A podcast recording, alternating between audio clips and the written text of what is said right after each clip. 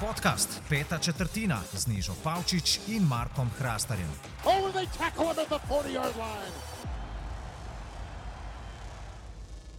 Poslušalci in poslušalke podcasta Peta četrtina, pa tudi bralci sportklub.si, pozdravljeni v Super Bowl editionu podcasta Neža Pavčič, moje ime, klasično z mano Marko Hrastar in Rog Gregorič. In danes se bomo, tako kot seveda um, smo planirali, pripravili še zadnjo analizo na Super Bowl 55, ki bo na sporedu v nedeljo, seveda tudi s prenosom na Sport Club 1. Marko, ti boš eden izmed komentatorjev, pa bom najprej tebe pozdravila, rok tudi tebi živijo. Kako sta? Evo, super, sam še dvakrat spad pa je. Uh, ampak dvakrat spad, pa pa depra, razumeš?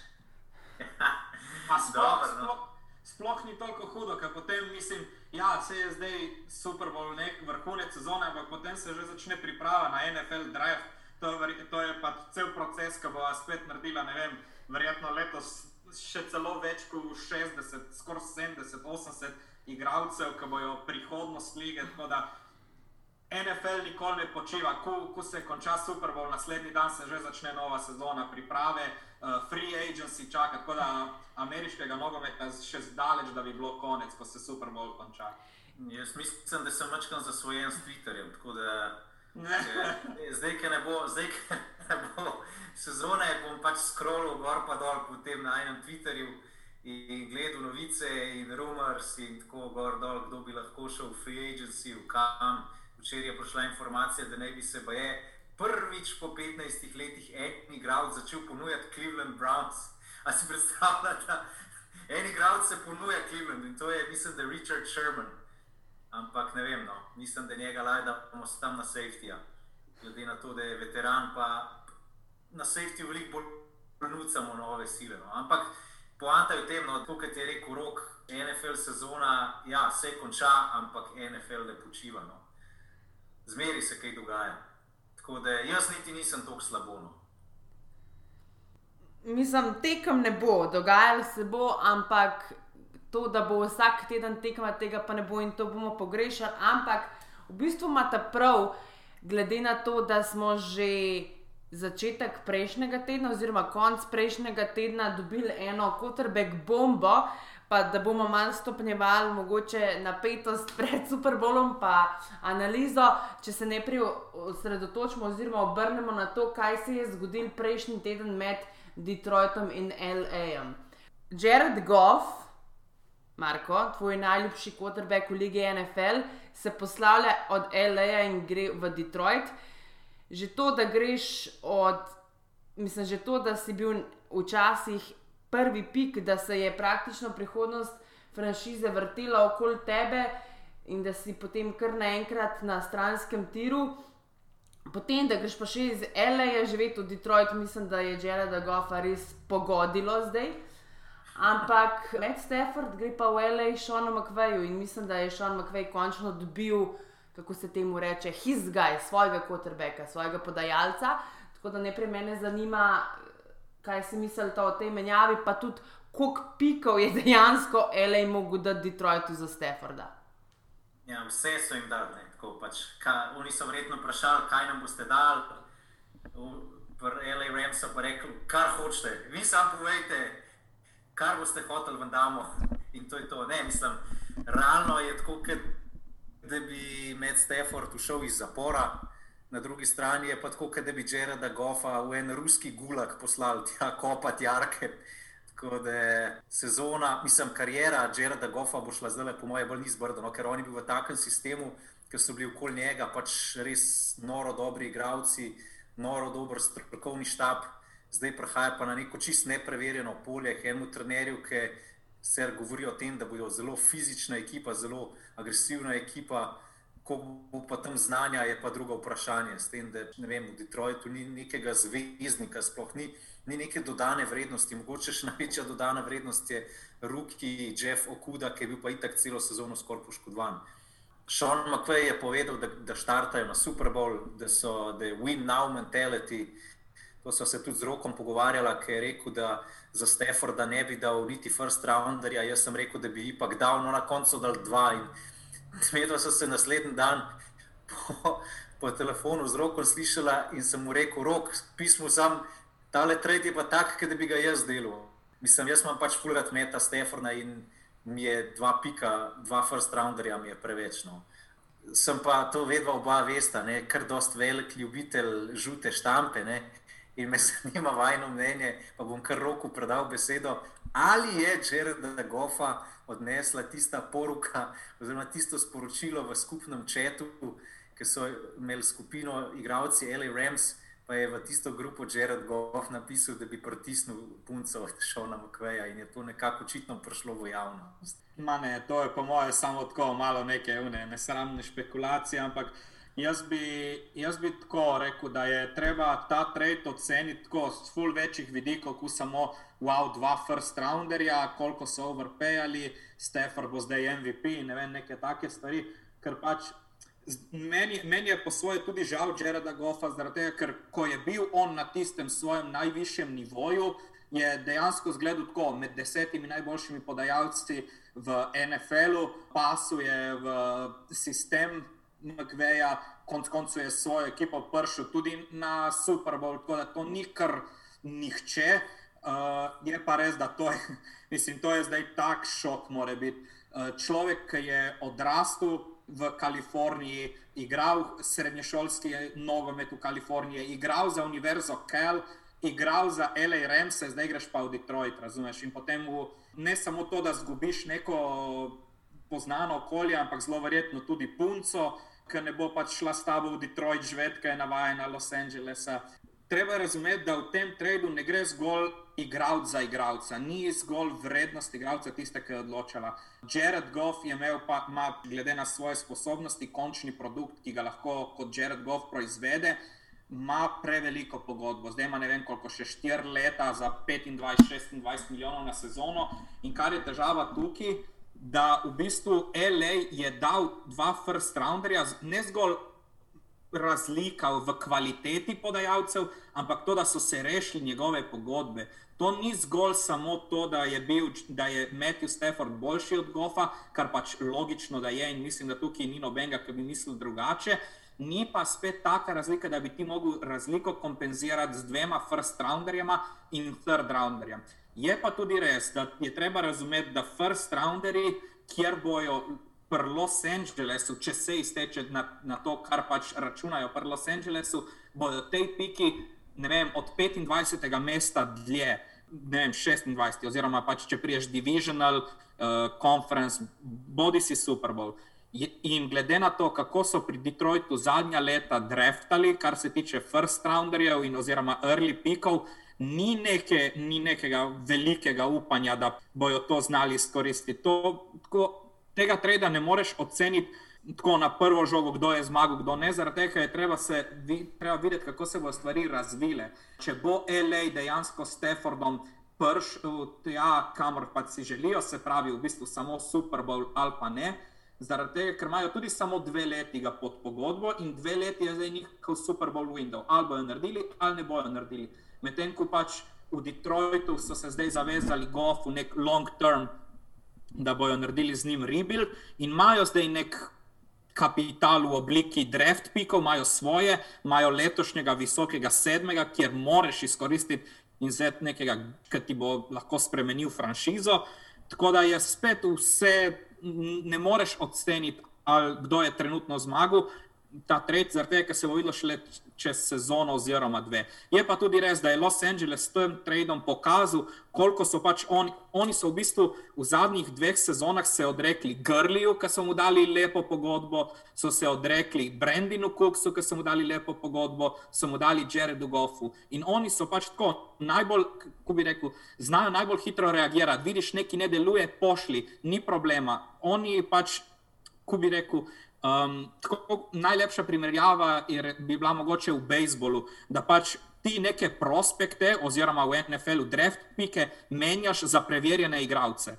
In tukaj je bil recimo Remzi, tukaj je bil Stafford. Ne veš točno, kaj bo igralec pač tako kot recimo v katerem koli športu, v mladinskih selekcijah si odličen, pol pa ti ta preskok zmanjka in ne veš, kako se bo vsak igralec prilagodil Ligi NFL. In v tem primeru so pri Los Angelesu rekli, mi vemo, kaj Stafford lahko naredi.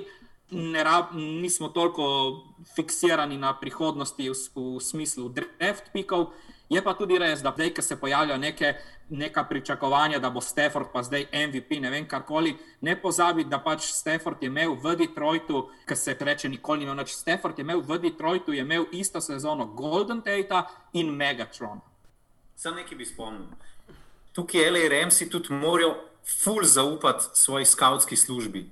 Zaradi tega, ker oni so se znebili full first rounderjev ne? in oni nekako s tem nakazujejo, ah, boli nas kurac, mi bomo tudi v kasnejših rundah draftali koga, ki je pač eliten, oziroma vsaj zelo, zelo dober. No, ampak se zdaj, kaj, v, zdaj so zbrali Kema Akersa, so zbrali Jordana Fullerja, Terrell Burgess, njihov zadnji draft je bil pač odličen, kar se tega tiče. Tako da tle, tle jim je treba priznati, da znajo v, ne zgolj v, fr, v prvem krogu nabora dobiti nek, pač nekega posameznika, ki bo pustil nek vtis, da bo nekaj pač dodal, da bo neka dodana vrednost. Tako da tle jim je treba priznati, da je njihova scouting služba je ta prava. Je pa tudi treba povedati, LA Ramsi so izgubili offensive koordinatorja, ne offensive, ne še, defensive koordinator je postal uh, Head coach. head coach pri Chargersih. Kevina O'Connella si želi tudi pri Chargersih za offensive koordinatorja, ker je razlika, da je Kevin O'Connell samo koordinator napada, ne kliče pa plejev. In če se to spremeni, ker ni, recimo, eno je, če greš ti kao vertikalno, se pravi, da greš kot koordinator napada v glavnega trenerja, ali pa če usporedno se premakneš. Ampak le je razlika ta, da bi potem Kevin O'Connell klical tudi akcije v Chargersih in to je bila tista razlika ki bi potem lahko ga premamla. Zgubili so še ne vem, ene par ljudi v tehničnem štabu, tako da tudi to je. Koga so treba izgubili? Pro vzeti- scouting direktorja Reja Egnoja, ki je on je šel tudi v Detroit. No, Take da pač novači, imajo- te scouts, no, ja. mislim, te college igralce. Ja, oni imajo hud oseb, kar se tiče te stroke. Tako da to bo tudi zanimivo videti, kako bodo to nadomestili. Na prvo žogo, ja, LA je dobil boljšega, konkretno boljšega podajalca, je pa treba tako malo se brzdati, kar se pričakovanj tiče, ker sam iskreno mislim, da Stafford, ja, bo boljši, el, napad LA bo sigurno bolj nevaren, je pa treba se brzdati, kar se tiče pričakovanj. Stafford ne bo kar zdaj iz včeraj na danes ratu MVP favorit. Pač provojo narediti čim več, dokler imajo še Donalda v ekipi, no, da jim vsi naliti čistega Ja. vina. Neža, thoughts. Thoughts so bolj, bili že povedani iz vajne strani. Meni se zdi tukaj zelo očitno to, da LA Remsi so tradili Jareda Goffa v Detroit zato, da se ga rešijo.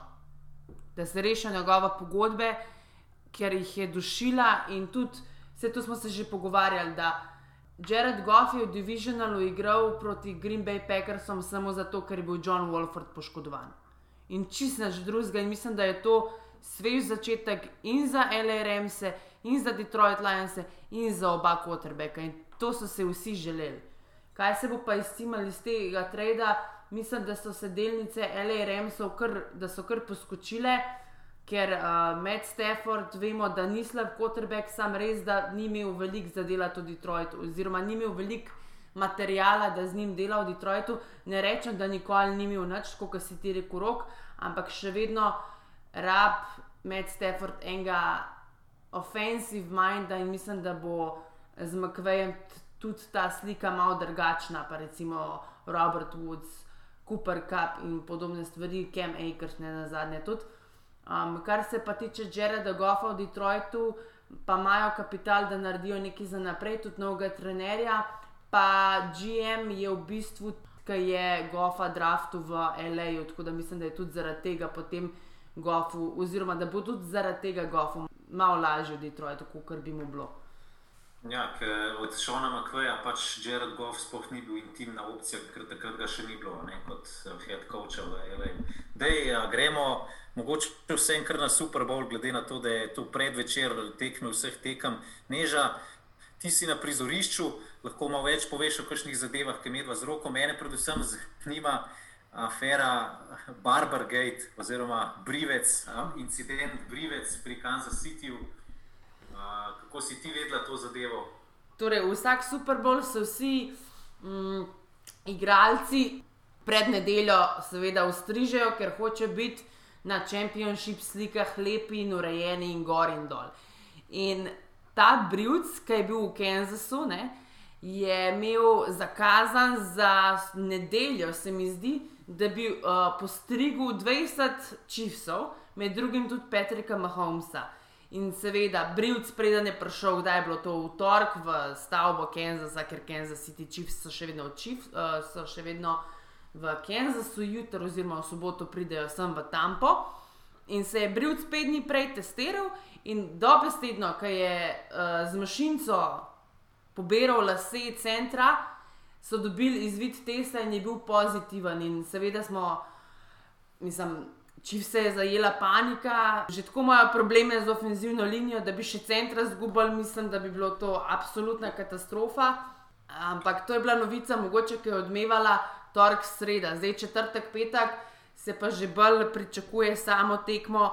Kljub temu, da recimo Marko, kot ti veš, ko smo bila skupaj v Atlanti, ni nobene zabave letos, tudi uh, medija parti, ki je ponavadi od, ob torkih, pa se NFL vedno fajn potrudi. Mislim, da smo jo lani imeli v Miami port na eni jahti, pa ne v Houstonu, je bila v nekem v tistem nervoslovnem muzeju, pa tako naprej. Letos tega ni nič. Tudi z novinarji, s temi kolegi, ki smo vsak let na Super Bowlu, vse v bistvu bolj na, um, na daleč pozdravljamo. Tako ni enega tazga Super Bowlu vzdušja, vemo, da so neki bo, pa da bo dobra tekma, ampak vsem pa je tako po eni strani malo, mislim, žalosten. Tam pa je meni všeč ne samo zaradi vremena, ampak tudi tako, tako lušno mesto, tako cute downtown je pač čisto ok mesto. In glede na to, da so že tako bili, v bistvu, da jim je bil ta Super Bowl že tako podarjen, bi si vsaj zaslužili, da bi imeli Super Bowl v enih normalnih okoliščinah. Sicer ok, vsaj to smo lahko veseli, da je Super Bowl na Floridi, kjer so zadeve basically vse odprte, recimo Miami, kjer jaz zdaj bom nekaj časa ostala, je odprt vse. V Tampi malo manj, ampak večinoma vsi bari, restauracije, trgovine, tudi knjigarne, Marko, so odprte in to vse nekaj tazga, ker če bi bilo to v L.A.U., bi verjetno liga naknadno oziroma predhodno spremenila, da bi bil recimo na Floridi. Tako da vsaj nekaj smo dobili, super bolje. Mislim, da se bo pa ta mečap, ki ga imamo v nedeljo zakazanega, da se bo oddolžil za ta pomankanje tega Super Bowl vibe v Tampi. Ja, sam ti pa ne boš, če, te prav, če sem te prav razumel, ne boš noter v stadionu, ampak boš ostala pred Ray J-om. Tako je. Ja. Kako je s, te, s tem organiziran? Oni itak je vsak let tako, da imajo pred stadionom postavljen tak ogromen event tent, kjer je, tudi, kjer je v bistvu tudi media workroom. In vsi tisti novinari, ki ne dobijo karte za na stadion, delajo v tistem šotoru. Kar pomeni, da to je tako, kaune gasilske veselice, ki so bile recimo pri nas v Sloveniji. Pač naredijo mize, zaslone, televizije, zdaj letos ne vem, kako bo to narejeno, glede na to, da je social distancing v veljavi. Ampak bomo pač tam, mislim, da nas bo ene sto tam, ker full man je letos le novinarjev. Mislim, da jih je bilo lani 6000, letos pa ne vem, če nas je 400. Tako da to, mislim, da jih je pa za natekmo dobil karte sam, be, uh, v bistvu sam National Media, ki je član Pro Football Writers of America. Mislim, da je tako bilo. No, se v bistvu ti ne bo nič hudega, če boš res pod streho, ker napovedan je pa slab vreme. Ja, ja, itek šotor je zaprt, napovedan je slab vreme, 75% šans, da bo dež. Mogoče bo tudi vreme faktor za tekmo, bomo videli.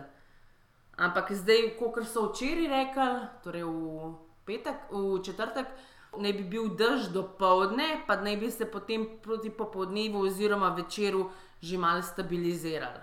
Kako je zdaj s Kilgorom in z Robinsonom? Sta oba clear to go ali sta še zmeri v, v priporu?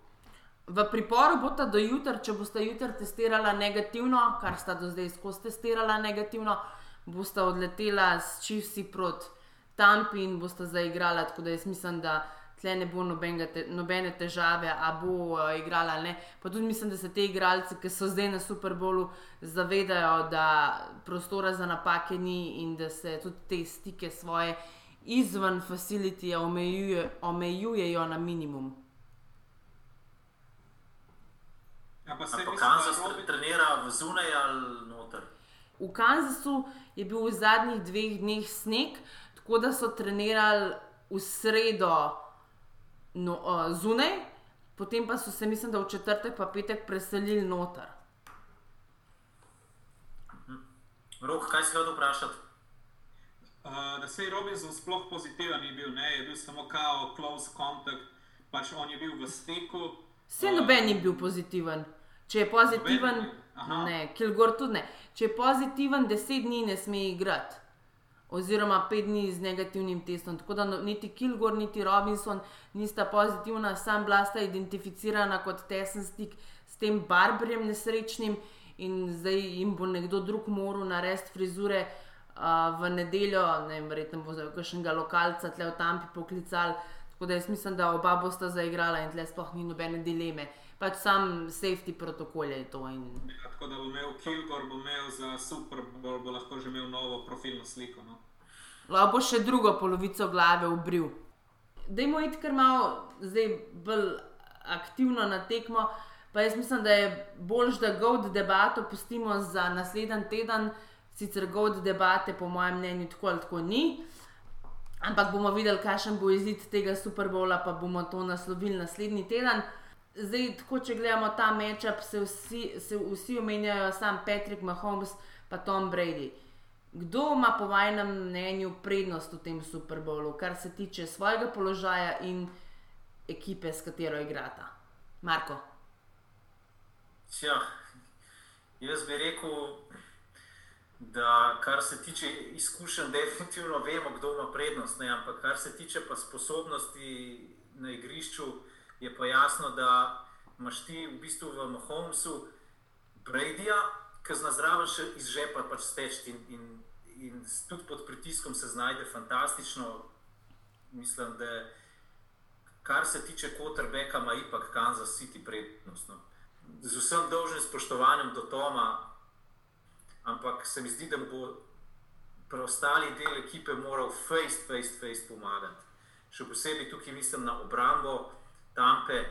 Zdaj, če bi bila to ena taka predstava proti, proti Green Bayu, pol bi imela Tampa lepe možnosti za zmago, ampak jaz nekako pa ne verjamem v to. No. Tako da jaz bi tukaj dal prednost Kansas City, zdaj ne bom šel čisto do vsake pozicije do pozicije, pa rekel, kdo ima kljukco, ampak Če pa pogledamo res to najpomembnejšo pozicijo v tem prekrasnem športu, bi pa rekel, da ima Kansas tako eno mečkano prednost. No. Čist, ne za veliko, no, ker overall, če pogledaš in Toma Bradyja in Petrika Mahomesa, recimo, se najdejo zagotovo tudi stvari, ki so pri Tomu boljše, ne samo izkušnje. Tudi mogoče ima mačkam boljši pregled nad igriščem, oziroma mačkam boljši pregled predvsem nad tem, kako bo akcija stekla še pred snepom. Ne. Um, ampak pač pri Mahomesu pa pol od teh, ta, ta hitrost, sposobnost, um, kako bi temu rekel, prilagoditve, no, da se enostavno v vseh situacijah, kar koli mu vržeš na krožnik, bo nekaj znal skuhati. No. Um, prilagodljiv je, no. prilagodljiv je na, na kakršne koli postavitve, kakršne koli. Pač tudi statistika kaže, da je eden najboljših kotrbekov na blicanju pod pritiskom in na vse zadnje gre za igralca, ki je, odkar je postal starter v Ligi NFL, ima največ tekem. Tukaj sta pa recimo z Dešonom Watsonom na prvem mestu, gladko, koliko tekem sta po PFF-u imela oceno nad 80. Odkar je bil starter, mislim, da je Mahomes takih tekem nabral 26, Watson 25, pa imaš pa recimo Miča Trubiskija, ki ima takih tekem 5. Tako da, ja, Patrick Mahomes je tukaj um, above everybody. Ne? Mi smo dal prednost tukaj Kansas Cityju in tisto, kar imajo v Mahomesu, in tukaj ne gre za neko nespoštovanje, verjetno najboljšega vseh časov, ampak gre za zgolj golo dejstvo, da je Patrick Mahomes tisto, kar je Brady, in verjetno še malo več v smislu moči, kar se tiče izmeta, doseg, se pravi, nekega dosega. Uh, čeprav smo videli statistično, da ima Brady celo več poskusov dolgih podaj, ampak to je pač treba pripisati uh, Ariansovi uh, napadalni schemi kar se je videlo, recimo, tudi proti, mislim, skozi sezoni, Bradyju pritisk fulne paše. Pač ne, za, ne zaradi tega, ker ne bi znal odreagirati proti njemu, ampak zaradi tega, ker se mu ne more izogniti.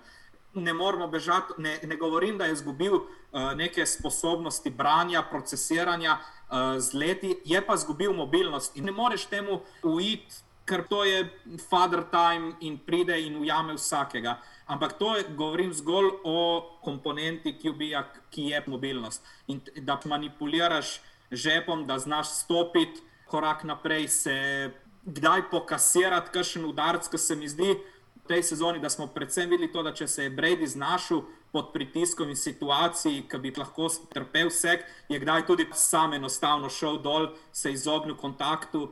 Tako da tle je treba reči, da bojo pomembno vlogo pri Kansas Cityju odigrali vsi edge defenderji, oziroma nasplošno celotna obrambna linija, kar je pa zelo vprašljivo, ker je treba dati tle eno veliko, veliko prednost v tej situaciji, v tem matchupu, napadalni liniji tempe. Tako da to bo res zanimivo videti, kako se bo Steve Spagnolo lotil ne, kot nek strokovnjak, kot koordinator obrambe, ki zelo, zelo rad blica razno razne variante. Tako da bomo videli, kdo bo dobil ta interni dvoboj. Bi pa jaz rekel, nasplošno, pač, kar se tiče tega dvoboja, ko je bilo vprašanje, ki sem malo zašel, da bi dal pač prednost Pečeku Mahomesu pred Tomom Bradyjem. Ne vem, če to veste, ampak mi, Tom Brady, apologeti, ne? to dobro vemo, da Tom Brady, pa zdaj bomo govorili kot o posamezniku, se je v Super Bowlu proti obrambi Steva Spanjola pomeril že dvakrat in Steva Spanjola kličejo strokovnjak za Toma Bradyja, ker je kot koordinator obrambe Giantsov dvakrat Toma Bradyja premagal, oziroma Giantsi so v Super Bowlu dvakrat premagali Toma Bradyja. Veliko se o tem omenja, da ima Tom Brady negativno bilanco proti Spanjolu, ampak jaz mislim, da če kaj poznamo, je to, da Tom Brady loves being underdog. Zaradi tega, ker ga to še bolj napali, kot se že sam napali. Ne vem, če sta sicer ti videla, da je nekega soigralca, ker je Lavonte David rekel, da je nekega soigralca po NFC Championshipu videl jokat, ker je bil tako srečen. Da je prišel v Super Bowl in je rekel: Why the fuck are you crying? We, are, we ain't done yet. In jaz mislim, da bo Toma te javni dvomi, ki vemo, da so, ga bojo napalili in da bo tam pa bolj nevarna, kot si vsi mislimo. Spomnimo se vsi, da v 12. tednu so igrali, imeli so 3x3 in out, in pa je bilo naenkrat 17 nič. Ja, seveda, ker je bilo 17 nič, je bilo zato, ker trikrat niso zadeli, Kansas City Chiefs pa z, uh, z napadom tazga, kot imajo, zadanejo lažje, kot kjerkoli druga ekipa. V drugem polčasu so se pa stvari malo obrnile in jaz mislim, da ta hitrost, ki so se jo naučili defenderji, sploh sekundarji od Tampe v prvi tekmi, bo zdaj veliko lažje delati s tem, kako se ti pripraviš na Tarika Hila, pa na Mekola Hardmana, pa na Trevisa Kelsija. Ja, vsa statistika ali pa vse neke prognoze dajo prednost Kansasu, ampak jaz tukaj ne bi bila tako stoprocentna. Da bo Kansas z lahkoto opravil z Bakanirsi, zaradi tega, ker Kansas je imel v rednem delu lige NFL, oziroma te sezone, veliko težav, da so vse odpihnili. Predvsem je imel veliko težav s tistimi ekipami, ki so bile, kako ne rečem, ki so bile trmaste, ki niso zapaničarle. Recimo Buffalo Bills so v AFC Championshipu, ker uh, se je Patrick Mahomes sestavil dve, tri dolge podaje, bombe so zapaničarali in se ustrašijo ekipe. Jaz mislim, da se pa niti Todd Bowles, niti Byron Leftwich, še manj pa Bruce Arians tega ne bojo ustrašili. Pa tudi Tom Brady ne in vsi ti njegovi ruki in first year Super Bowl attendees in podobne stvari. Ne, ne, sej, to, to je jasno, da tekma ne bo razpaljutka. To vsi vemo. To tisti, ki misli, da bo Kansas City pa guzil, pa da bo taka tekma, kot je bila par let nazaj Seattle, Denver, to je utopija. No. To, to bo one possession game na koncu. Jaz sem pripričan v to. Jaz sem pač mislim, da kot si rekla, da je 100%. Nobeno najbolj z rokom ni 100%. Jaz bi rekel, šanse so 60-40 ali pa 55-45 za Kansas. Ker tudi to, kar si rekla, je dober point. Ja. Kansas lahko spet povede 17-0, lahko povede tudi 24-0. Ampak pač Tom Brady mentality je never give up. Tudi, veš, on, tudi, če bo ne vem, kako zaustavil, bo pa pizdarjo naredil slačilnici, pa rekel, hej, fantje, mogoče količno ste super bole igrali, pa je z vami. Je pa tudi velik problem to, da se je robo znal več povedati, ker tudi to situacijo v sekundarju pred tam, ki mogoče še malo bolj pozna, kaj jaz. Ampak problem je, da Antoine Winfield zna manjkati, uh, Whitehead zna manjkati, to sta dva zelo solidna obrambna igralca. Bo veliko odvisen od tega, kako bojo te replacementi od, uh, od Kansas Cityja na napadalni liniji, pač ker manjka ta in Schwartz in Fisher, kako bo to funkcioniralo. Green Bay se je zelo poznala odsotnost bakterija in napadalna linija, v bistvu je poleg Kevina Kinga na tisti tekmi bila največje razočaranje, ker se je mal prevečkrat prišlo do Rodžersa. Ne. Jaz dvomim, da bo Mahomes stokrat sekan, ker je Rodžers, ker zna pač tudi veliko boljš uid, improvizirati zna fant, on je kralj improvizacije in uh, bomo videli. No. Uh, jaz bi rekel šanse tako 55, 45 za Kansas City. Pa stavnice so celo še bolj na strani Kansas City. Stavnice kažejo, tako, da je ne vem, nekih 70-30 za, za Chiefs.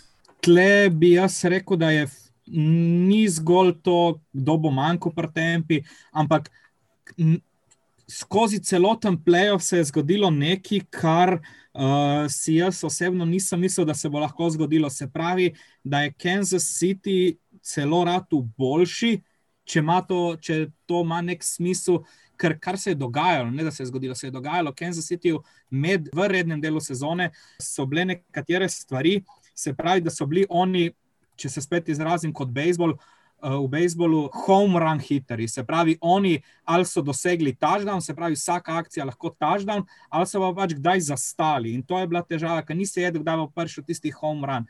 Kar so pa naredili v playoffu, so dobesedno se prilagodili in ni več tisto, lahko te dejansko ubijem s tem, da, bom, da ti vem, nož zarinem v srce, ampak lahko jaz trikrat zgrešim, preden te bom dejansko. Zdaj so pa dejansko naredili način, kaj so naredili Buffalo. Buffalo se je lotil, ki ima verjetno top 3 uh, duet, kar se tiče safetyjev, in so lepo igrali tisti cover tu, niso pustili nekih velikih akcij, tako da nisem točno razumel, kaj si mislili s tistim, da so zapaničarili. Ampak kar je naredil Kansas City, se je odmaknil od tiste njihove glavne strategije zadnji dve leti, se pravi touchdown ali pa noč, ampak so do, šli k taktiki, da. Veš kaj, lahko te pa ubijem tudi tako, da te tisočkrat porežem. In kar so delali, so spuščali žoge, kratke, Tyreek Hill, Travis Kelsey. In kar so naredili, so da so pač safety, ki so stali više, so samo spuščali spodaj žoge. In ko imaš, enega, ko imaš olimpijsko ekipo šprinterjev med svojimi lovilci in potem še nek safety blanket, kot je Travis Kelsey, si lahko to prilagodiš. In to je nekaj, kar, kar naredi napad Kansas Cityja, jaz bi rekel, nezaustavljiv, ker so dejansko skozi sezono odrasli in se iz tiste sezone uh, eh, 2019, ko so pač stopili na sceno, naredili ta velik boom in bili verjetno eden izmed najbolj atraktivnih napadov v novejši zgodovini NFL-a, uh, so odrasli. In ni bilo samo tako, vsaka akcija mora biti tažna, ampak je počasi 10 jardov, 12 jardov, in potem imaš ne vem, nek, kaj je zvem, jet sweep Nikola Hardmana za 50 jardov. In spet vzameš, vzameš. In nekatere akcije pri Kansas Cityju nimajo, ko bi rekel, smisla z nekega normalnega principa. Lahko, lahko ti bojo postavili, ne vem, v box samo. Štir linemene, pa dva linebackerja. In glede na to, da imaš ti, ne vem, formacijo s šestimi ljudmi, ko imaš šest na šest, enostavno misliš, ok, to je tek. Ampak ne, Kansas City dela tisto, kar ni, ko bi rekel, imajo neke nekonvencionalne stvari in zaradi tega so katerikoli koordina, koordinator obrambe lahko samo približno predvidevaš, kaj bo Kansas City naredil, nikoli pa ne moreš točno vedeti, ker Kansas City ima toliko neke kreativnosti, toliko neke sposobnosti, nepredvidljivosti, da napad Kansas Cityja je verjetno nekaj, kar NFL še ni videl. Ja, in definitivno je tak napad težko pol brand. Mislim, meni se vsak obrambni koordinator, ki igra proti Kansas Cityju, dobesedno smil. Zaradi tega, ker pač nikoli ne veš, iz kje te bo pogodil. Tam to sploh ne moreš neke šablone postaviti, nek sistem, po katerem bomo igrali. Zaradi tega, ker boš tako postavil in te bo oni na drugačen način pač premagali. Ne, ne vem, no, če, če bojo pač zmagali in če bojo res ratali dinastija, pol je to že tako grdo, da sploh ni več fair. Bilo fajn, da Kansas Cityju pač en down vzamemo če bi, vem, da, da bi na mestu štirih davnov imeli pol, oni samo tri davne, pa bi mogoče pol bilo regularno. Ampak ne vem, rok, če si ti obrambni koordinator ekipe, ki igra proti Kansas Cityju, kaj, kaj bi naredil? Mislim, kaj bi naročil fantom? Čistko poenostavil pač za, za običajnega gledalca, ki spremlja NFL. Men, meni je tako zaba, mislim, zabavno brati neke komentatorje oziroma nekoga, ki napoveduje, kaj mora tempa narediti. In vsi govorijo eno in isto. Moraš zaustaviti učinek Trevisa Kelsija in Tajrika Hila. Ja, mislim. Kaj je zven, tudi jaz bi lahko, če bi jaz imel malo boljši šuting, uh, malo, malo hitrejši, bi dobrega agenta, dobr, uh, nekaj, da bi se mi sreča poklopila, bi tudi jaz danes igral v Real Madridu. Razumeš, najlažje, vsi vejo, kaj je treba narediti, ampak noben ne ve točno, kako to narediti. Zaradi tega, ker ne moreš, enostavno ne moreš. Travis Kelsey, pa ne vzeti tega osebno, ker si bom ta dal primer. On je osmešil Denzela Warda. Lahko postaviš najboljšega obrambnega igralca, in bo še ve, na koncu, na koncu dneva je ni zgolj neka šahovska partija koordinatorja obrambe in koordinatorja napada, ampak na koncu dneva je samo, ali lahko moj fant premaga tvojega v ena na ena. Ne, pa sej od Denzela Warda to sploh ni naloga, da, da on krije. On, je, on, on se je znašel, recimo, takrat na tistem mestu in je bil gasilc. Ampak naloga linebackerjev je, da ustavijo Trevisa Kelsija.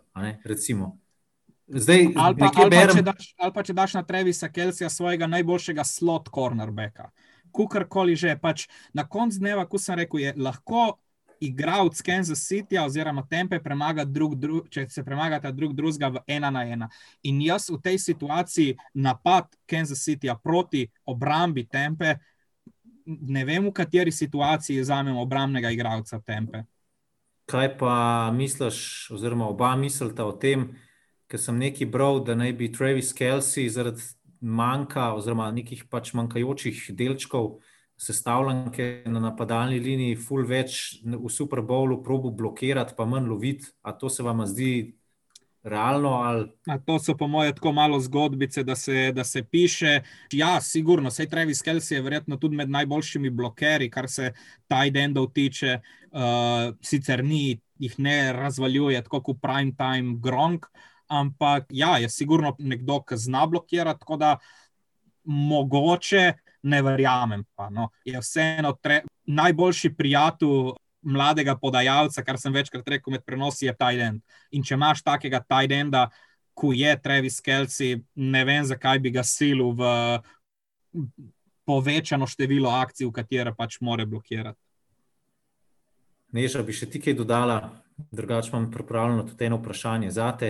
Jaz mislim, da ko je schemo postavil Todd Bowles proti Green Bayu, da bo nekaj podobnega zdaj, sploh kar se tiče PSRaša in JPP-ja in Šeka Bereta. Zdaj, če bojo blicali proti Patricku Mahomesu, ne vem prav, dosti pa tudi Patrick Mahomes si rekel rok, da manipulira v poketu. Tako da jaz mislim, da bo ključ do, do zmage Tampe ta njihov interni dvoboj med, med front seven in med napadalno linijo Chiefsov. Če bi igral Erik Fisher, bi bili za me Chiefsi kandidati za gladko zmago, ne glede na to, da je na drugi strani The Goat, pa da imajo tako zgodbo, kot jo imajo prvič v NFC in podoben. Ampak glede na to, da pa Erika Fisherja ni in kakšne težave so imeli na napadalni liniji, zna biti to za Kansas zelo velik problem. Prejšnjo tekmo so, mislim, da sta še Beret in JPP zbrala pet sekov na Aerona Rodgersa, pa je manjko samo uh, Baktjari. Ne? Zdaj manjkata dva starting uh, linemena za čivse. Mislim, Dobro, ampak reči, da je manjkal samo Baktjari, je tako, kot da bi rekel, ne vem, Barceloni je manjkal samo Messi. To je konkreten manjko, ni, ni da se Baktjarja kar tako zamenja. Ne, ni, nisem mislila tako reči. Ampak recimo, če je manjko Baktjari, Baktjari je po mojem eden najboljših linemenov, ne samo v NFC-u, ampak v ligi. Tudi Erik Fischer, če se spomnimo, Erik Fischer je edini first rounder Kansasa, ki je bil na uh, liniji, oziroma first pick je bil on celo leta 2014. In mislim, da je. Ta poškodba je res hujši udarec, kot recimo, če ne bi bilo, če na koncu ne bi zaigral, recimo, sami Watkins ali pa da je Marko Robinson, imaš ti še vedno Hardmana, Kelsija, Hila. In še nekaj sem hodila povedati, da tisto, kar si že sicer pred kakšnimi 15 minutami rekel ti rok, da se je Kansas, ne da se je premislil, da ne rabi biti vse, da ne rabi biti vse touchdown, ampak tudi so dojeli, da ne rabi biti vse bomba dolga za 200 ali pa 30 jardov, v primerjavi z napadom iz 2019 ali pa 2020. In to je tudi pol, zaradi tega so bili tudi veliko bolj uspešni, kar se tiče zaključovanja podaj. Patrick Mahomes je imel rating večji, pa tudi manj časa je porabil za to, da najde lovilca od, od Kridiga in manj prešera je bilo na njega. Mislim, da je on v teh času, ko drži žogo, pod dvema sekundama je čez 70% uspešnosti na zaključene podaje. Veš, kaj, mislim, ti dobro veš, kaj sta dve sekundi per quarterbacku, to ni nič.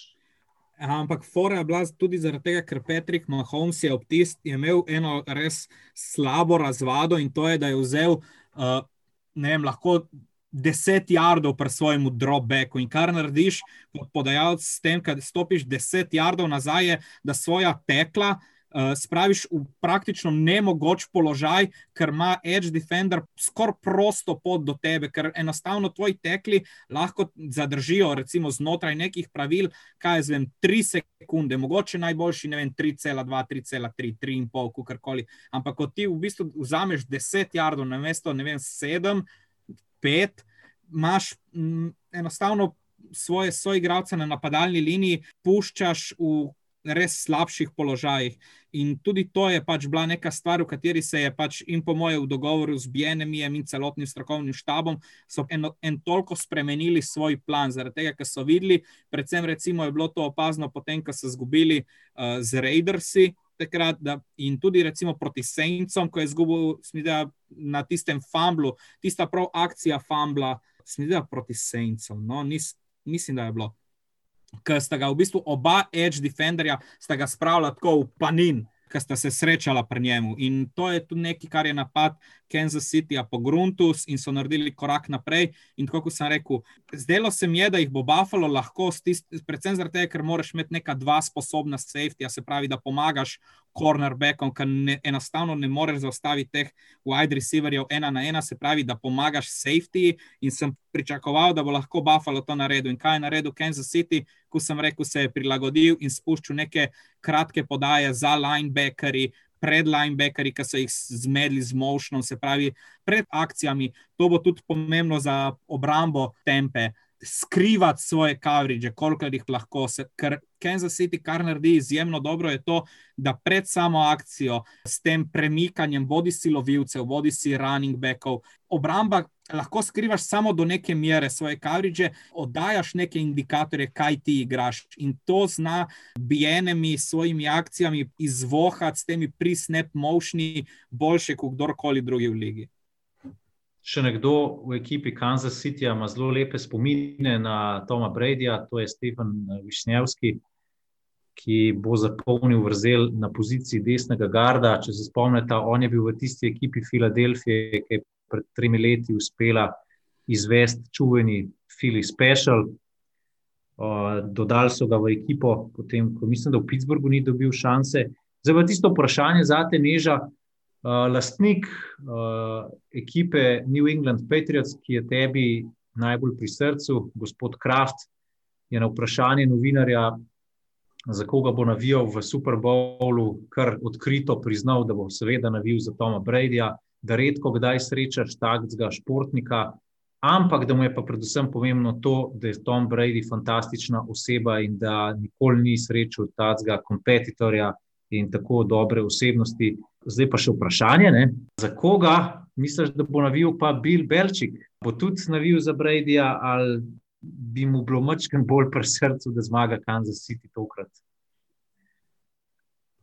Jaz mislim, da Bill Beličik ne bo gledal Super Bowla, ampak bo na svoji jahti Six Rings z Linda Holiday in plul nekje po Floridi, verjetno tam um, na vzhodnji obali Floride. Uh, mislim pa, da si potiho, uh, da mu prvošča, ampak da si potiho želi, da bi zmagal v Kansas City. Tako kot večina Patriots navijačev. Sem pa jaz bolj na strani Roberta Krafta. Itak. Se mi niti ni zdelo, da bi bilo kakorkoli drugače. Ker sem vam hodila še reči, je, da je Antonijo Brown še vedno isti kreten, kot je bil. Mislim, da je bil samo enkrat ta teden dostopen za novinarje. In edina stvar, ki jo je znal povedati, je to, ni bila to zasluga Toma Bredja, da je dobil novo šanso v NFL-u, ampak je to bilo njegovo trdo delo pa da ni hotel na nobeno drugo vprašanje odgovoriti, samo Super Bowl in da je on izjemno hvaležen za to, da je danes tle. Torej, hvaležen si komu? Trendu, ki je pripeljal tebe domov k Gizel. Na koncu koncev itak igral ne bo, ne? ker ima še zmeraj težave s kolenom in je highly doubt. Ne, igral bo zato, ker je včeraj bil že na polno na treningu, tako da danes bo tudi. On bo igral.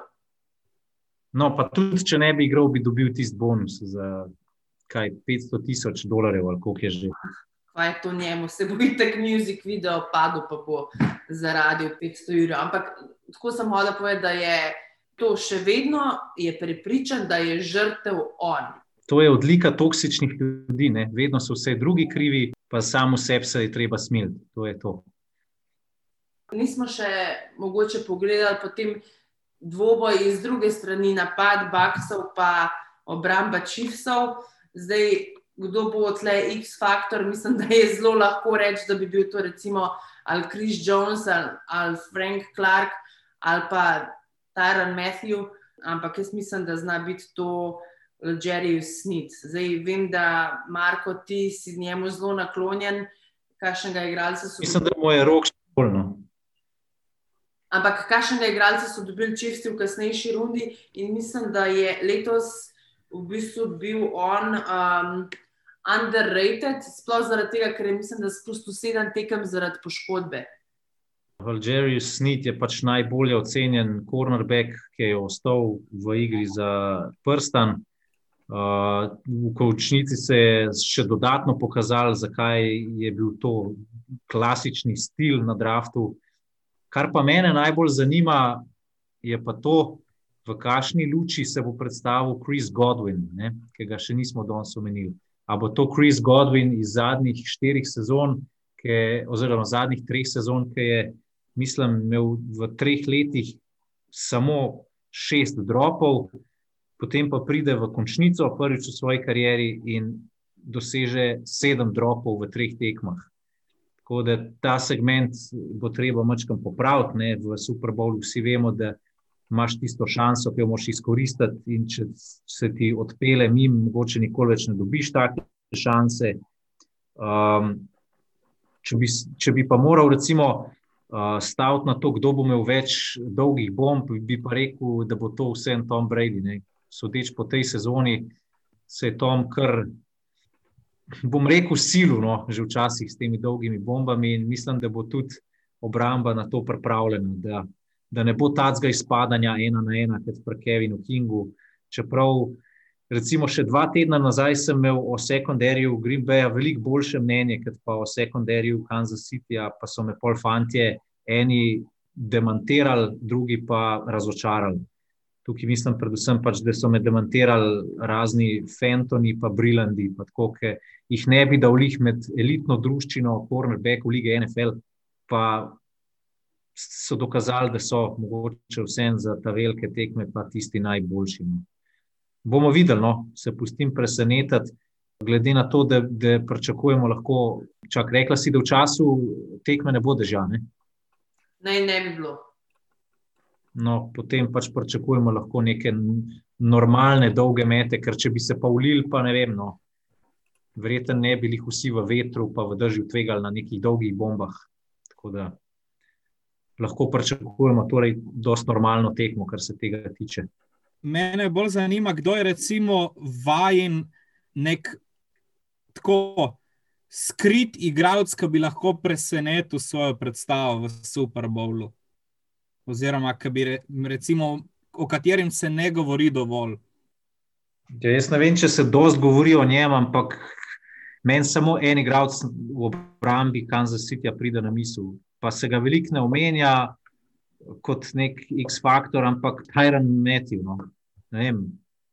Meni se zdi, da je on narejen za take tekme, da on krajva Super Bowl in podobne zadeve, da, da točno ve, you got one shot in on maksim, maksim, maksimalno to izkoristi.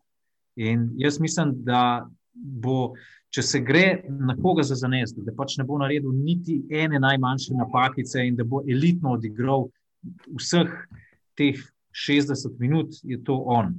Mogoče bi šel to tako delež, da bi rekel, da sem skoraj 100%, da bo kakšen interception dosegel. Sem se kar konkretno že pripravljal pač na prenos Super Bowl, le Super Bowl. In uh, kar sem opazil ob pripravi pri Tyrenu Metju, je to, kako zanimivo ga Spanjolo rotira iz posamezne pozicije na posamezno pozicijo. Se pravi, on igra safety, on igra slot cornerbacka, on igra normalnega cornerbacka, on igra linebackerja, on igra celo na obrambni liniji. Mislim, noro, kakšen švicarski nož je. Pa v tistih pravih letih. No. Ni prestr, ni premlad in pričakujem eno prime tekmo z njegove strani. Ker so z Matijom isti letnik, bom zdaj to vzela osebno o njegovi starosti. ne, jaz, jaz, jaz sem že prej rekla, da zelo očitno bi bilo izbrati, da bo nek tak igralec, ki bo imel vlogo ali Tyron Matthew ali Chris Jones ali Frank Clark. Jaz mislim, da bo imel Frank Clark, če Kansas City Chiefs zmagajo, da bo res imel dobro tekmo. Ampak jaz sem omenila prej že, da Jerry se snida, pa Chiefs bi lahko imel pri Tampi pa mislim, da na koncu ne bo prišlo tako do tega, da bi imel uh, kakšen v napadu tudi uh, zelo pomembno. Mislim, napad itak bo bil pomemben, ampak recimo Vita Veja, mislim, da se ga zelo premalo menja. Uh, vrnil se je po poškodbi in če gledaš na posnetkih, kako on igra, pa kako ga Todd Bowles uporablja, um, bi znal biti, kako se temu reče, Super Bowl sleeper ali pa Super Bowl X Factor. No, jaz bi pa pri Tampi, če tudi moram recimo, izbrati obrambo. Mislim, pri napadu bi izbral Majka Evansa. Majka Evans se mi zdi tudi tak, da, da recimo rečeš, to je pa tekma, na kateri človek ne bo odigral slabo, definitivno bo to neka uh, tekma, na kateri bo recimo Majka Evans dosegel touchdown.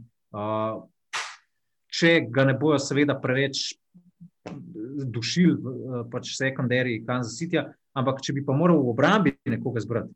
Bo pa mogoče to se malo čudno slišal, ampak ne bom izbral niti Dama Konsuja, niti Jasona Pierpola, ampak bi rekel Lavonte David. No. To je pa, on je pa pač zaščitni znak ekipe Tampa Bay Buccaneers. On je igralec, ki je najdel v ekipi. On je bil, eh, kot rečejo američani, through thick and thin.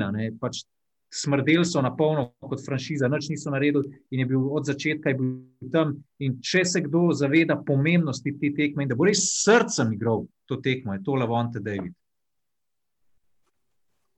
Kaj pa playoff Fleni? Meni je on, recimo, nekdo, ki bi lahko naredil razliko ob vsej pozornosti, ki se ji kaže igri po zraku na eni in na drugi strani. Leonard Fornet ima v letošnji končnici, kar se tiče jardov po tleh in jardov po zraku, skupaj več kot 400 v treh tekmah, in temu je dodal še pet touchdownov. In s tem, da še ena zanimivost. Uh, Leonard Fornet nima fambla od zadnjega tedna sezone 2017. 613 tekov, zadnjih 613, nima fambla. Nekdo, ki je rad, recimo, temu črna ovca zaradi svojega nekega obnašanja in verjetno bi tudi vsi dali prav Jacksonville kot organizaciji, da so se ga rešili, ampak pač nekdo, ki se ga je v bistvu tlačilo dol, da ka, kao, kot da ni neki kvaliteten, kot da ni unolik zaradi tega, ker je tu kao neka diva. In zdaj v končnici je Leonard Fornet pokazal, da malo počaka, to je vseeno nekdo, ki je bil zbran kot četrti na naboru, vseeno nekdo, ki ima marsikateri uh, rekord, oziroma recimo med, da je med petimi najboljšimi, kar se tiče LSU-ja, pa SEC rekordov. Recimo napad Tampa Bay, verjetno bi Leonarda Forneta, ful mi je všeč pik uh, Vita Veja. Recimo, ti si vzel tudi Lavonta Davida, ker je isto, recimo, njegov partner uh, Devin White.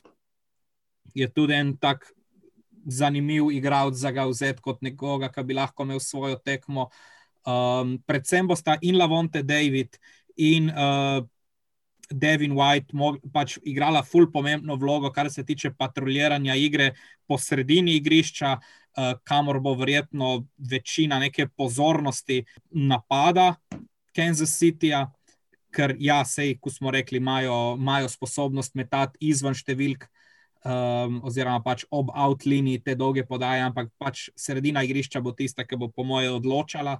Tako da bosta in David in Devin mogla odigrati, verjetno, kaj zvem. Da ne pretiravam najboljšo tekmo svoje kariere, čeprav Lavonte David jih ima za sabo kržen kup. Uh, Uh, na drugi strani pa pač, dokler imaš Patrika Mahomesa, je, je vse ostalo nepomembno, skoraj, kar se tiče igre napada. Obrambe pa, recimo, ja, Frank Clark, nekdo, ki je po tistem tradu iz Sietla bil velik dolžnik. Mislim, da sem ti včeraj poslal neko statistiko, ki je v bistvu en analist PFF-a tweetnil. Da, toliko dober, kot je bil Patrick Mahomes, smo vsi pozabili, da je eh, Kansas City tradu Justina Houstona, zato da so potem lahko stradali svoj first rounder v Seattle, da so dobili nekoga nazaj, ki sploh ni bil pol toliko dober kot Justin Houston, kar se produktivnosti tiče. Frank Clark je velik dolžnik, je pa res, da svoje najboljše predstave prihrani za končnico. Tako da bo zanimivo videti, če se ta njegova neka zgodba, kar se tiče odličnih predstav v končnici, nadaljuje. Je pa res, da po tistem tvitu Chris Jones, da bo v končnici pokazal, kdo je in potem proti Clevelandu ni naredil ama ništa, bomo videli. Predvsem, ko sem rekel, obrambna linija Kansas City bo mogla full, full pomagati ostalim soigralcem v tej, tem segmentu igre. Uplačana stava, Leonard Furnet, Fumble, Super Bowl, uplačano. Ja, pač sigurno. to je zdaj confirmed rok, zdaj, bo, zdaj si ga zaklev in proklet bil na, na Super Bowl 2021. Noč mislim, da nam je za konec ostalo samo še en in to je to, kar imamo vsi najrajš, ampak ne tako zelo, kot Marko Hrastar. Mislim, da je prediction time. Tako da, Marko, your excited face, go first. Bom šla jaz zadnja. Recimo Kansas City 38, Tampa 34. Kansas City ponavlja Patriots 2-4-2-5 in povezuje dva triumfa v Super Bowlu. Kansas City 35, Tampa Bay 31. To sem rekel že, mislim, da takoj, ko smo oddelali tisti Kansas City Buffalo. Če se ne motim, da sem to rekel, 35-31, v glavnem, to je bil prvi rezultat, ki mi je, ko, glede na to, vse skupaj, kaj vzameš uh, v enačbo, mi verjetno najbolj odgovarja. No, 35-31, oziroma 38-31, Kansas City. Pa še to, recimo, da bom šel še jaz malo bolj, če zdaj zaključujemo. Leonard Fornet ima dva touchdowna. Pa zgubijo. Pa zgubijo. Okay, kaj pa MVP je sta pozabila? Oziroma smo pozabili, Marko. Tyron Matthew. Travis Kelsey. Okay. Tyron Matthew si bo zaslužil MVP z dvema interceptionoma. Okay. Eden, eden od teh dveh bo celo Pik Six. No. Dobro, lega tega. Bolt Craster is back! V glavnem, mislim, da vemo, v katero stran bom jaz šla. NFC Championship me je naučil, da never doubt Tom Brady. Pa tudi za MMC smo imeli neko kratko anketo in sem tam povedala, da mislim, da bo tam pa zmagala. Tom Brady bo postal prvi quarterback po 40 letu, ki bo z dvema različnima franšizama osvojil Super Bowl. Rezultat bo 28 proti 24 za Tampo, MVP bo pa Devin White. And that's a rap. Mic drop. Nič. Ej, neža maksimalno uživi, pa uh, javlji se kaj, povej, kako je kaj ob stadionu, na stadionu, da vas uro še lahko uporablja kaj v prenosu. Rok ti pa uživaj tudi v svojih pivskih igricah. Ja, neki, vsakič, ko- neki moramo sestaviti. Vsakič, ki bom rekel fantastičen ali pa fantastično, lahko en šot za me spiješ. Ne, bomo pa imeli, recimo, da še, še jaz malo tle, uh, pova, mislim, považim, da povabim uh, poslušalce in bralce. Bomo imeli na profilu Tigers Domžale ob 10. zvečer, ob 22. Uh, en kviz na temo Super Bowla ameriškega nogometa, tako da, uh, da se malo ogrejete, da se atmosfera naredi, pač vabljeni tudi. Bomo imeli na Facebooku en live dogodek, uh, jaz pa Matija Klančar bova vodila. Tako da vabljeni na ogrevanje pred Super Bowlom na Facebook profil Tigers Domžale. Poslušalci in poslušalke, pa tudi bralci, lahko seveda dogajanje zadnjih dveh dni stampe spremljate na vseh družbenih omrežjih, na sportklub.si. Vsi tisti, ki pa vam dela Sportklub Hrvatska, se pa lahko, mislim, da v nedeljo med tam okoli pol osmih zvečer preklopite na njihov program, ker bomo s kolegi iz Hrvaške šli live izpred stadiona. Tako da, če vas bo zanimalo zadnje dogajanje izpred Raymond Jamesa, se lahko preklopite tja, drugače pa itak se bom kaj oglasila še prej iz stadiona, pa Marko, verjetno tudi iz kakšne plaže. Clearwater Beach je tle zelo blizu, nek 40 minut stran, tako da imam to v planu danes oziroma jutri.